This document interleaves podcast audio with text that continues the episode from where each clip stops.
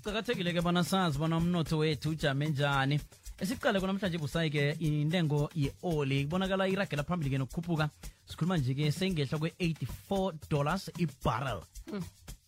Ke sizokoke ngobramako ramakwe lotshani siyayibona iprice ye-oil ukuthi ibhizi iyakhuphuka since the beginning of the year.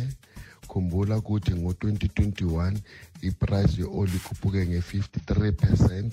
And manje since u-2022 iqala ibhizi iyaphezulu kancane kancane njengomanje ime lapho ku-84 dollars ebarrel.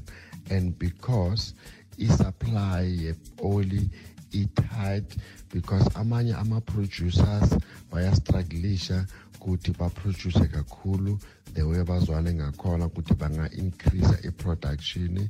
And enye into futhi i-omnicron ayikho bad the way besicabange ngakhona. Asiboni ukuthi izo-affecta ukukhula komnotho.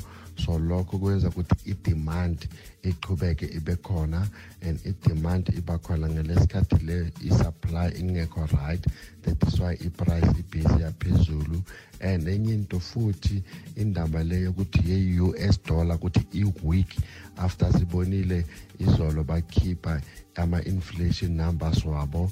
So nayo inceda ama-oil price because i-oil self angithi ithengiswa ngama-dollar. So if i-dollar iba weak so lokho kwenza ukuthi kube cheap for abanye abantu basebenzisa amanye ama-currency ukuthi bayi-afford ukuthi bayithenge.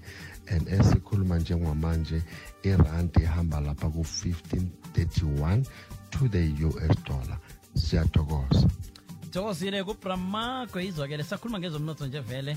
Kuvelile-ke lapha-ke i-forbes ivezile-ke eh, busayi. Bona amasewula afrika akhulelwe mnotho. Mm. eh ngimaphi? Ngo-2021 lokho kubenza ukuthi-ke nokho njengo-2022 ngikhwama zithu kunona nona wo bakhona nokho. Ya, ba- bakhona. baphana ithemba ukuthi kuyakhonakala nanoma nanoma ingikhathi zibudisi ukuthi omunye akhuphuke mm, mm.